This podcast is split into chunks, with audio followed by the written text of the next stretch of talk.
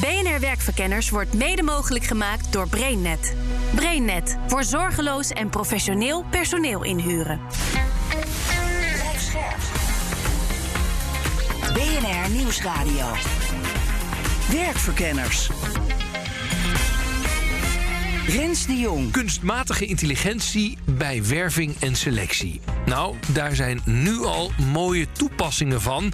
Zo is er technologie die vacatureteksten inclusiever maakt. Dan veranderen ze woorden als driven by. En dan kan je dat vervangen. En dan doen ze een suggestie van inspired by. Weet je wel? En daar reageren vrouwen beter op, solliciteren dus ook meer. En dat is goed voor de diversiteit. En de recruiter die ik spreek, maakt er ook dankbaar gebruik van. In onze eh, search software zit software die zichzelf verbetert naar aanleiding van onze resultaten en de resultaten die we doorgeven. Dus dat kun je artificial intelligence noemen. Maar levert ook echt wat op. Het is een beetje lastig om te checken. Met werving en selectie werkt het. Want je weet Nee, niet, dat is natuurlijk de de, vraag, mensen die je afgewezen hebt, hoe goed zouden die zijn geweest? Ja. Ja, dat vind ik ook heel tricky. En ook de recruiter vraagt zich af of het niet meer werk kost dan het allemaal oplevert. Je doet een heleboel werk vooraf. Mm. Maar volgens mij zou het werk met die manager moeten gebeuren die die vooroordelen heeft. Ja. Want daar gaat hij uiteindelijk toch mee spreken. Ja. En daar zit het probleem. En het gebruik van AI brengt natuurlijk ook risico's met zich mee. Waar het misgaat is aan de randen. Dus waar de AI extreem slecht in is, zijn mensen die op een of andere manier buiten categorie zijn. Werkverkenners. De krapte op de arbeidsmarkt wordt nu echt heel duidelijk. Met winkels en horeca die vaker dicht moeten, wachtlijsten in de zorg die oplopen. En er is nog steeds een gebrek aan diversiteit op menige werkvloer. Nou, hoog tijd vonden wij van werkverkenners om eens te kijken hoe de vijver groter en diverser kan worden. Een serie over werving en selectie met deel 1, kunstmatige intelligentie. Nou, allereerst gaan we op zoek naar de kansen. Ik ben Hans de Zwart. Ik ben docent en onderzoeker bij de Hogeschool van Amsterdam. En daar werk ik binnen het lectoraat Responsible IT.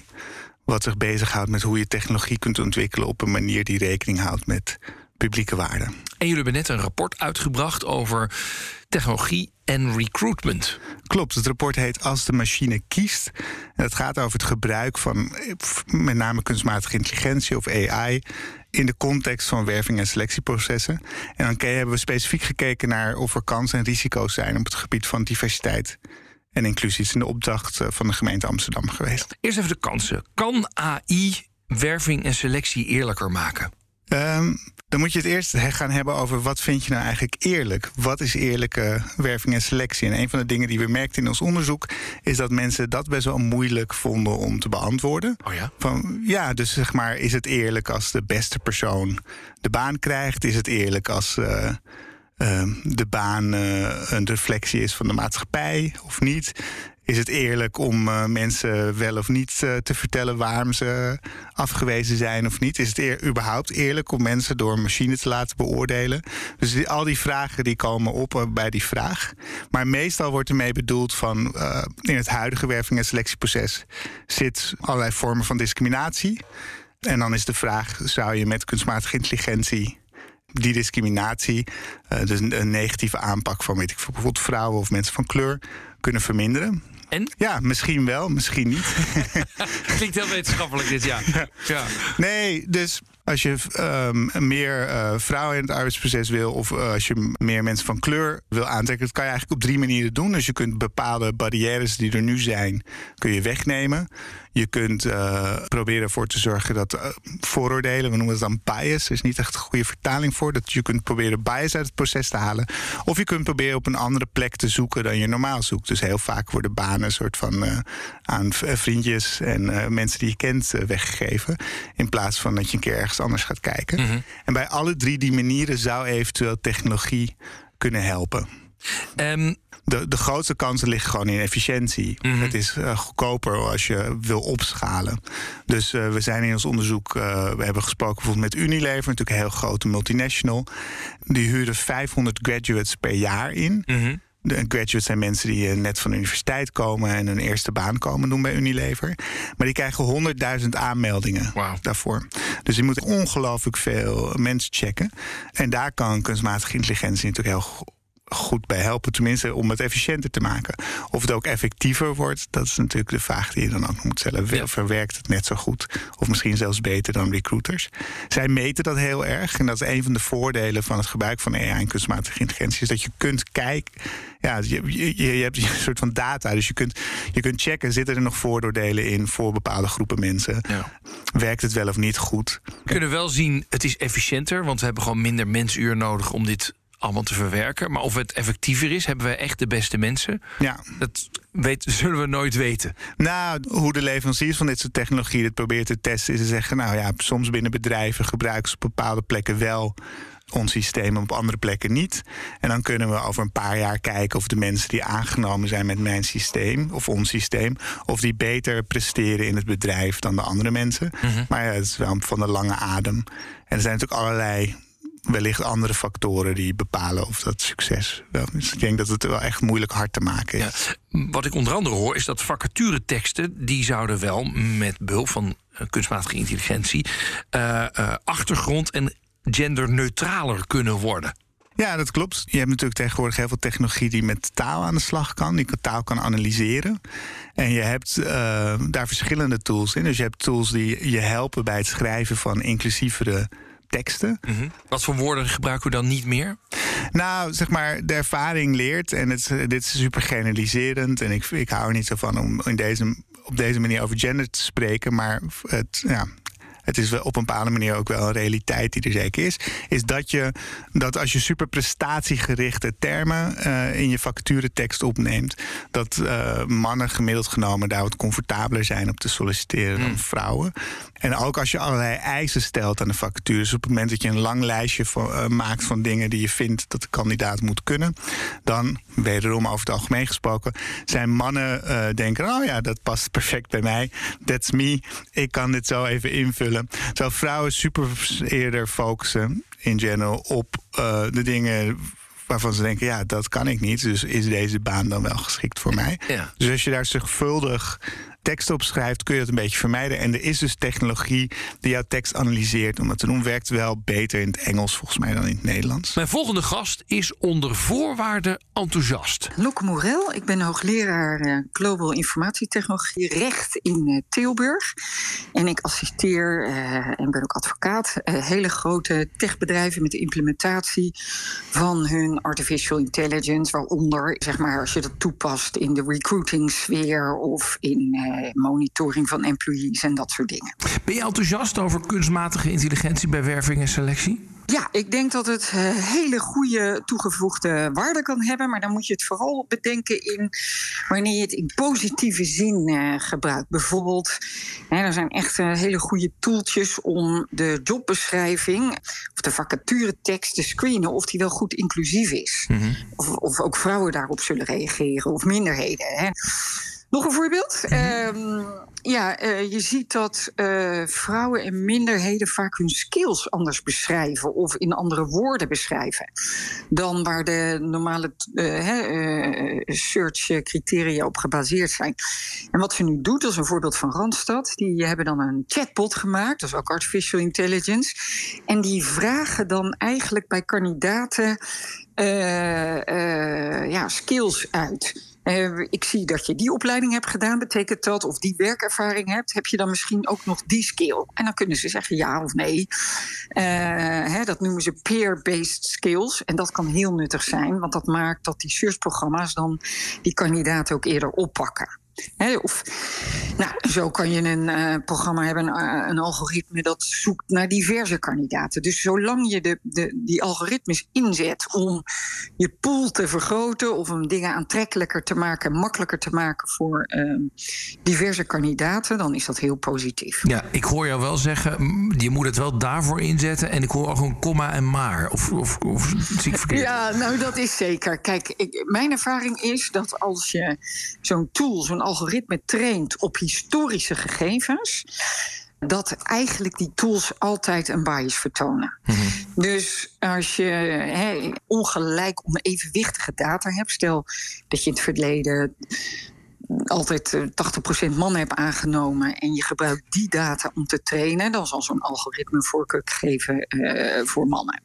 Dus daar zit, er zit heel goed risico in dat zo'n tool niet diverse groepen goed herkent en op de juiste manier scoort.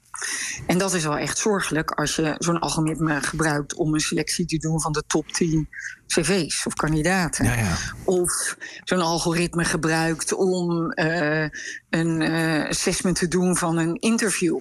Als je, hè, mensen, dat is dan gebaseerd op gezichtsuitdrukkingen, op woorden die gebruikt worden ja, als daar het algoritme niet goed getraind is op, op, op minderheden die echt andere ge, uh, gezichtsuitdrukkingen hebben, andere woorden gebruiken, dan herkennen ze niet, uh, dan schatten ze je niet in op waarde. En dan is echt discriminatie uh, echt snel een gegeven. En mijn laatste gast ziet ook zeker mogelijkheden, al moet hij veel in de praktijk nog maar zien. Over Niemeyer, eigenaar van de Independent Recruiters Groep. En wij bemiddelen nu zo'n 19 jaar binnen de gehele arbeidsmarkt uh, uh, mensen. Uh, vanuit zo'n negen labels. Wij ehm, praten over artificial intelligence. Eerst wil ik even kijken met je naar de kansen. Als je kijkt naar werving en selectie, hoe sta jij sowieso ten opzichte van kunstmatige intelligentie daarbij? Eigenlijk heel dubbel. Uh, in de werving en selectie heb je twee kanten. Je hebt de sourcing kant, het vinden van mensen. En daar uh, vind ik het fantastisch, kunstmatige intelligentie. Het, het, het sneller, beter uh, kunnen vinden van kandidaten. Daar gebruiken wij het ook voor. Ik word wat argwanender als ze het willen gaan gebruiken voor de matching. Dus het echt te selecteren. Mm -hmm. Want daar zie ik heel veel haken en ogen en, en, en, en schaduwkanten aan zitten. Waarom dat onderscheid? Nou, omdat uh, uh, in de werving is het een, een tool die je kan helpen sneller bij resultaten komen. En aan de andere kant bepaalt het je resultaat. Mm -hmm. En dat, dat, is een heel groot verschil. Even de, de, de kansenkant. Um, kan het zorgen voor minder bias, minder discriminatie? Theoretisch wel. In de praktijk zie ik dat niet.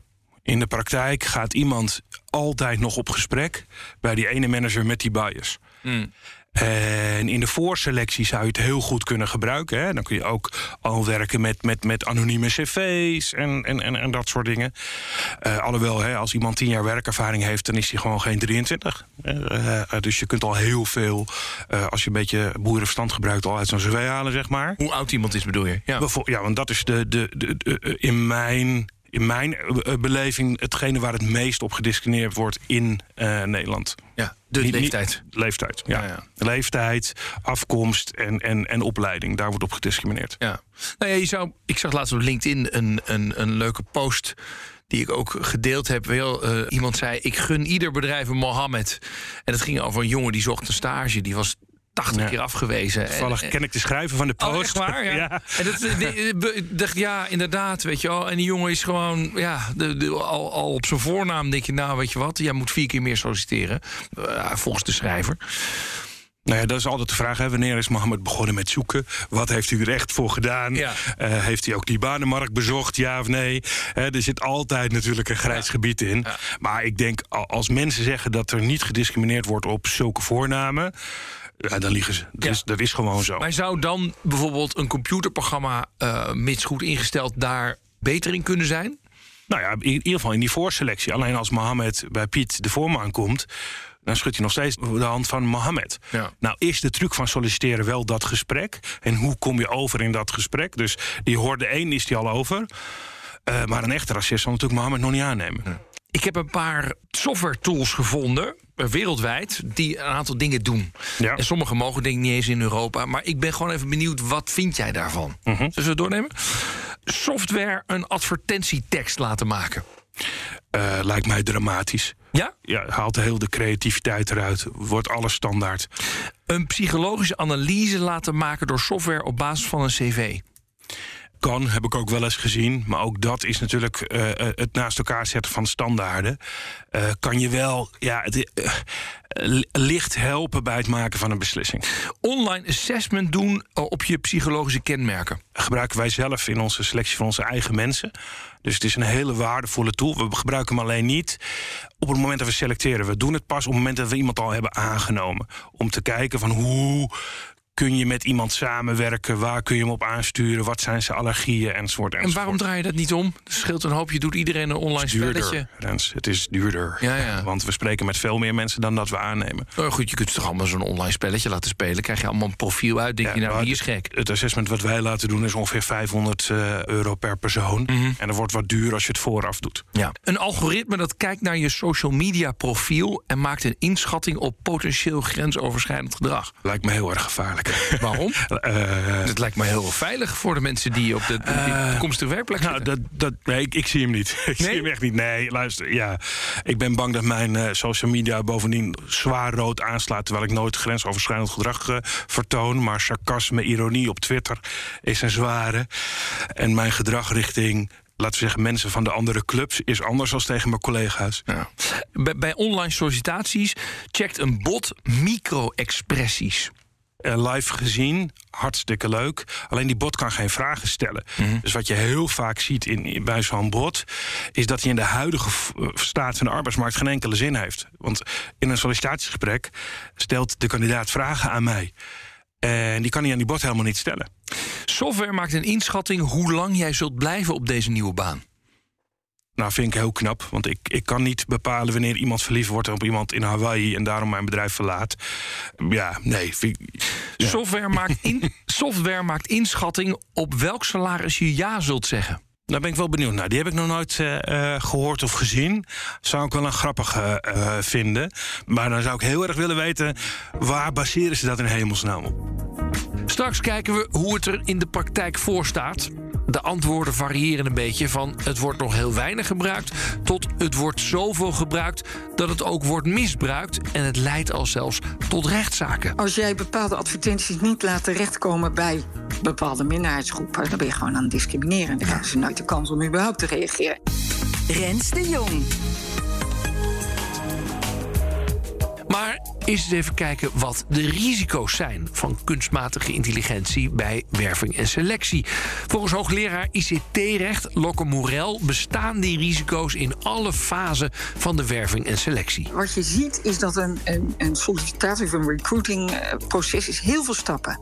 Hè, je hebt de, tekst van de jobadvertentie, dan gaat die naar een jobboard. Dan heb je de selectie van de relevante cv's die, die de shortlist maken. Dan de interviews en dan nog... Nou, en al die stadia heb je toeltjes.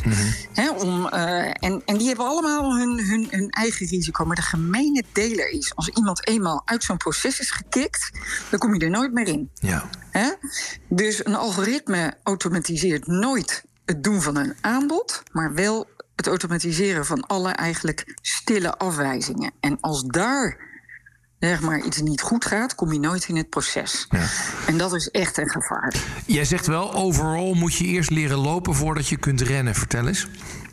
Ja, nou, dat vind ik een, een, perfect voorbeeld is die chatbot van Randstad. Dat is een positief in plaats van dat je zo'n algoritme gelijk inzet voor het matchen. Ik denk dat het echt op dit moment heel lastig is om een algoritme te trainen, en zeker in het recruitment, wat geen enkele bias vertoont. En volgens mij moet je dan op andere manieren dat gaan eh, adresseren. Bijvoorbeeld eh, LinkedIn is een voorbeeld. Hè? Die zeggen ja.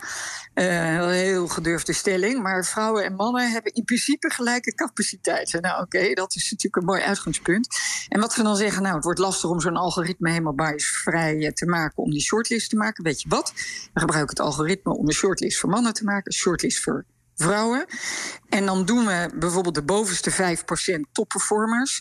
Die stoppen we samen in een categorie. Dus dan voegen ze de, de lijsten bij elkaar. Dat vind ik een goede methode. Of dat je zo'n algoritme een top 20 diverse kandidaten laat maken en die ernaast legt. Hè? Dat, dat zijn oplossingen om, dat, ja, om, om, om te voorkomen dat zo'n algoritme eigenlijk altijd net de witte mannen bovenaan zet. Ja. En wat, wat er wordt natuurlijk ook wel gezegd, je zou kunstmatige intelligentie juist ervoor kunnen laten zorgen van je, dat je van je bias afkomt. Want die witte mannen, ja, daar zit in het hoofd zit een bias. Of eigenlijk zit in iedereen een bias. Ja, ja.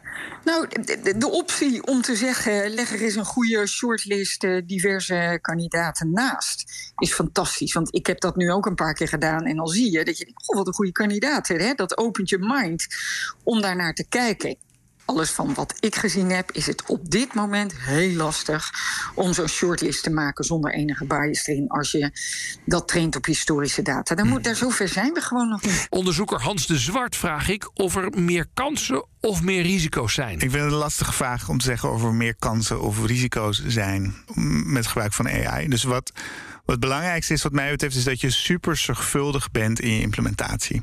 Dus we hebben met de Hogeschool van Amsterdam in dat onderzoek ook een, tool gemaakt. Dat heet de AI in Recruitment Discussietool, de AIR Discussietool. En dat zijn eigenlijk twintig vragen die je zelf zou moeten stellen uh, op het moment dat je met kunstmatige agentie aan de slag wil gaan. En ik denk dat als je die vraag stelt, dus je moet je voorstellen dat dan gaan vragen, vragen als wat vind je nou eigenlijk eerlijke werving en selectie? Hoe meet je dat het werkt? Hoe blijf je het monitoren? Ga je wel zorgvuldig om met de data? Heb je gecheckt of de bias eruit is? Dit soort vragen, die moet je zelf stellen. Mhm. En ik denk dat als je dat doet, dat, um, en je maakt het onderdeel van een breder recruitmentproces, een soort van, van een totaalpakket, dan denk ik dat er echt kansen zijn en dat de risico's te managen zijn. Ja. Nou hoor ik mensen zeggen, nou vooral het gevaar zit in het selectieproces en niet zozeer in het zoeken van beschikbare kandidaten. Ben je het daarmee eens of niet? Nee, daar ben ik het niet helemaal mee eens. Dus ik denk dat ook in het zoeken van geschikte kandidaten problemen kunnen zitten. Omdat Google advertenties en Facebook advertenties heel erg geneigd zijn, dat weten we gewoon uit andere contexten, om stereotypes te handhaven die er in de maatschappij zijn. Mhm. Dus als het jou niet lukt om geschikte kandidaten van kleur te bereiken via Google-advertenties, dan maakt het niet uit hoe eerlijk je selectieproces uh, is. Als die kandidaten zich niet hebben gemeld, dan uh, valt er voor de rest niks te doen. Nee, dus ook daar zit tussen aanhalingstekens een gevaar. Ja. ja. Ja. dus ik denk dat deze mensen die dit zeiden, die gebruiken bijvoorbeeld AI om slimmer te zoeken. Dus je hebt natuurlijk databases van kandidaten. En met AI kan wat sneller checken van is het een geschikte kandidaat of niet. En kan het ook volledig automatisch doen. Terwijl een recruiter allerlei ingewikkelde zoekopdrachten en dan mensen één voor één checken en bladibla. Dus in die zin maar ook daar zitten, zitten een soort van risico's. Hoe weet je zeker dat alle kandidaten die geschikt zijn, dat je die hebt gekregen? En kan jij checken of die bias er niet in zit? Of, of uh, doe je de aanname dat de leverancier van die software dat wel voor je gedaan heeft? Het punt is natuurlijk wel bij al dat soort dingen, als je zegt kun je checken of dat ding het goed heeft gedaan. Ja. ja dat is dus het probleem, dat kunnen we niet heel goed. Want anders hadden we het zelf wel gedaan. Nee, dus, dus, dus ik vind dat als jij een leverancier bent van AI-software, dan moet je dit wel kunnen. Mhm. En ik vind dat als jij uh, de software koopt van de leverancier, dat je dan kritische vragen moet stellen. De juiste kritische vragen. En verwachten dat je daar de juiste antwoorden op krijgt. Recruiter Overtjan Niemeyer is vrij uitgesproken over in hoeverre we eigenlijk weten wat er precies onder die motorkap gebeurt. Ik denk uh, uh, bijna nooit. Iemand heeft dat gebouwd. Dat is vaak niet in Nederland. Want Nederlandse programmeurs zijn niet te betalen. Dus dan vraag ik al, hoe ga je cultuurverschillen overbruggen? want die zijn er. En je weet nooit hoe zo'n algoritme in elkaar zit. Mm dus daar zit altijd een, een, nog een heel groot risico in op ja, wie heeft het dan gebouwd en welke bias had die. Of welke dataset is er eigenlijk gebruikt? Uh, uiteindelijk gaat, draait zo'n algoritme dan op een dataset. En dan is het dus heel belangrijk van ja, hoe betrouwbaar is die data? Is het daarom ook dat je zegt, nou ja, bij sourcing, dus bij het, het, het net uitwerpen, vind ik het wel interessant. Maar bij selectie wil ik het niet gebruiken? Nou, bij selectie zie ik heel veel gevaren. Noem er eens een paar. Nou, dat je niet weet hoe die gebouwd is. Dat je dus dan uiteindelijk toch elke keer naar hetzelfde uh, uh, gaat kijken. Dat die software niet snel genoeg mee kan gaan met hoe de markt zich ontwikkelt. He, hoe hete uh, functies tegenwoordig heb je de, de Chief Happiness Chief Officer, Happiness Officer bij HR. Ja, dat soort dingen gaat zo snel. er zijn een heleboel bedrijven die verzinnen hun eigen titels. Hoe ga je dat in die software elke keer weer scherp houden? Dus eigenlijk zeg je, ja, we weten eigenlijk niet wat de bias is van het apparaat. En daarom kunnen we het maar niet gebruiken. Of minder. Nou, dat is een van de risico's die er zeker uh, zijn. Maar de bouwers van dit soort software zal zeggen: ja, maar jij weet eigenlijk ook niet wat de bias is van de mensen die hiermee bezig zijn. en dat is nog veel erger, want we kunnen niet in ons hoofd kijken. Nou, ben ik helemaal met je eens. Dat, dat, ik denk ook dat ze dat zeker gaan zeggen. Het zit hem heel erg in van wat mag wel, wat mag niet, welke data wordt gebruikt, welke data wordt niet gebruikt. En ook natuurlijk het gevaar dat ze het omgekeerd gaan gebruiken. Want software die je schrijft om unbiased te zijn, kan je natuurlijk heel snel ook gebruiken om juist biased in te zetten. Mhm. En dan wordt het een probleem. Ja. En, en, en zeggen dat het niet gebeurd is na de Belastingdienst niet echt meer een, eh, een optie. En zeggen dat het maar weinig invloed heeft ook niet meer. Nee. Dus, dus het gevaar van dat soort software bouwen, implementeren, kan ook de andere kant op slaan. Ja. En dat vind ik vanuit me als privépersoon sowieso al een groot risico. Oké, nou, we hebben een idee van de kansen en de risico's. Maar hoe vaak wordt AI nou echt ingezet bij werving en selectie? Nou, de antwoorden lopen nogal uiteen. Recruiter Olverjan Niemeyer. Ik denk heel erg weinig. Oh ja? Ik denk dat hè, waar je het nu over hebt, zijn misschien een paar hele grote bedrijven die echt aan bulk recruitment doen. Daar heeft het namelijk zin om, om, om het geld eraan te spenderen. Maar de hele de economie draait op MKB eh, en, en, en, en, en andere grote bedrijven die nou eenmaal niet eh, trendsetting zijn of geen bulk recruitment doen. En, en dit soort oplossingen zie je vaak alleen heel effectief zijn en, en eh, ook het geld waard als het in bulk recruitment zit. Een, een, een Lidl die 16.000 nieuwe mensen zoekt per jaar, of, of een, eh, een Gamma, ja, dat soort partijen werkt het. Maar ja, een partij die elke keer wat anders zoekt, daar werkt het niet. Als je de ene keer een controller zoekt en de andere keer een HR-medewerker en dan weer een eh, receptioniste, dan moet je zoveel tijd en aandacht elke keer weer steken in die software. Eh, De meeste AI-software die ik heb gezien werkte op zichzelf heel erg goed, maar was eigenlijk onmogelijk aan te sluiten op het recruitmentproces. Eh, dus dan moest je eerst, als het ware, met je Space Shuttle met een paard en wagen het naar de lanceerinstallatie brengen om hem te kunnen lanceren. Dan moest je echt alles handmatig voor gaan zitten doen per vacature. Ja, dat is natuurlijk niet waar wij op zitten te wachten. En dan hoogleraar en advocaat Lokke Morel. Ik denk ongemerkt zit dit in allerlei onderdelen van dat hele proces. Hè? Bijvoorbeeld in de jobboards, hoe, hoe daar de advertenties eh, verdeeld worden. Ik zie de chatbots nu eh, overal komen. Ik zie grote bedrijven die, die analysesoftware gebruiken voor interviews. Ik denk dat heel veel mensen wel voelen dat een algoritme, maar er worden ook algoritmes gebruikt om passieve kandidaten te zoeken. En ook om te kijken of, voor, welk, voor welke dingen ze dan overtuigd worden. Hè? Of dat bijvoorbeeld is eh, extra geld of eh, wat dan ook. Dus daar zie je het zoeken naar diverse kandidaten, dat zie ik allemaal. Dus eigenlijk op alle onderdelen ja, zie ik tools op, oppoppen. En het, eh, in plaats van daar even echt over na te denken, worden ze gewoon ingekocht. Ja. dat is natuurlijk het punt dat er dat onder andere ook eh, de, HVA wilde maken. Maar dat zullen ook anderen zeggen, en misschien jij ook wel. Van jongens, ehm, het, het klinkt zo lekker makkelijk. En we hebben een enorm eh, capaciteitstekort nu. Dus, dus iedereen die eh, enigszins capabel is, willen we in ons werk hebben. Hè? Dus dan denk je, nou weet je wat, als deze tool werkt, werkt deze tool. En toch zeg jij dan, denk nou even harder na. Ja, ik vind dat echt niet oké. En mijn voorspelling is dat een aantal van die tools, en zal niet eh, specifiek worden, maar daar lopen nu echt grote procedures en klachten in Amerika. Want daar is het discrimineren in de employment eh, context. Er zijn speciale wetten voor. En eh, op die gronden worden die, die tools gewoon aangepakt. En mijn voorspelling is dat als we even wat beter daarover nadenken. Dat een groot aantal van deze eh, niet toegestaan zullen zijn. En je ziet ook dat AI-tools in, in, in inderdaad recruitment, employment, hè, voor, dat, dat die vallen, die zijn als high risk eh, gecategoriseerd in de nieuwe draft eh, AI-verordening. Want even die, die AI-verordening, komt die eraan Ja? of is die er al? Eventjes in die Europese Nee, er AI-verordening. is een, eh, een concept eh, gepubliceerd. Dus het concept is echt, eh, daar wordt dan op geconsulteerd. En als het goed is, gaat de commissie hem dan vaststellen. En dan wordt er onderhandeld. En dan gaat, nee, dan gaat eerst het parlement, het Europese parlement, comment geven. En nou ja, zo. Dus dat is aan het begin van het traject. Maar we zien, ik zie dat de Europese Commissie daar wel echt eh, vol op inzet. Onderzoeker Hans de Zwart vraag ik naar voorbeelden waarbij gebruik van AI bij werving en selectie uit de bocht vloog. Ik denk dat iedereen die in Amerika door zo'n video-interview geanalyseerd op micro-expressies en ehm het tone of voice, dat die wel uit de bocht gevlogen zijn. Ja. In Nederland zijn we wat bescheidener, heb ik het gevoel dan. Of, of eh, houden we onszelf dat dan voor? Dat het hier niet uit de bocht vliegt.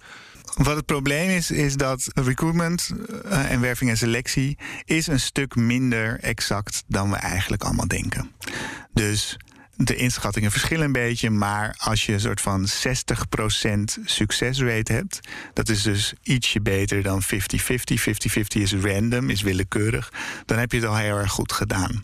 Dus we zeggen soms voor de grap wel eens, als je het echt eerlijk wil maken, dan moet je gewoon mensen aannemen met zeg maar een kop of munt uh, opgooien. En dan uh, maak je het gewoon willekeurig. Dat is vrij makkelijk.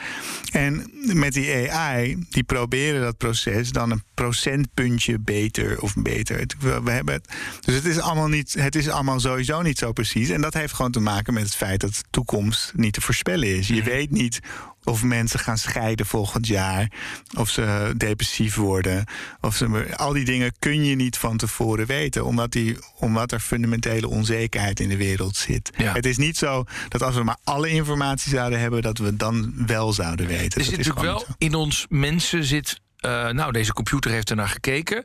En dan wordt er iets gepresenteerd. En dat voelt dan als, nou, kijk, dat ding heeft er goed over nagedacht. Gaan we iets te veel af op wat er dan uit zo'n machine komt? dat is een hele goede vraag. Dus je ziet heel vaak dat dat er wordt gezegd: ja, we hoeven ons niet zoveel zorgen te maken, want uh, de mens is nog steeds de baas binnen het proces. Dus de mens heeft controle. En er wordt ook vaak gezegd: we hoeven ons geen zorgen te maken, want uiteindelijk is het de mens die de keuze maakt wie er nou echt wordt aangenomen. Dus mhm. het is geen computer die kiest. Ik denk dat dat niet waar is. De mens is inderdaad vaak nog wel in de loop en de baas. Maar de mens is natuurlijk heel erg geneigd om de adviezen van een computer over te nemen. Dus als uh, een computer voor mij een lijstje maakt en zegt: Dit zijn de tien meest geschikte kandidaten. Wie ben ik dan om te zeggen: van ja, ik ga toch nog eventjes zoeken en ik vind nog iemand anders of whatever. We, zijn, we denken heel erg dat uh, de computer het werk wel goed gedaan zal hebben. Ja. En ik denk dat het echt heel moeilijk is en gewoon ook niet in hoe wij werken zit om dat steeds te blijven bevragen. Als we kijken naar waar we nu staan, hè, ben je dan onder de indruk van wat er allemaal kan of juist teleurgesteld? Dit is eigenlijk meer een vraag over mijn persoonlijkheid. Van Um, kijk, ik, ik, vind dat met allerlei.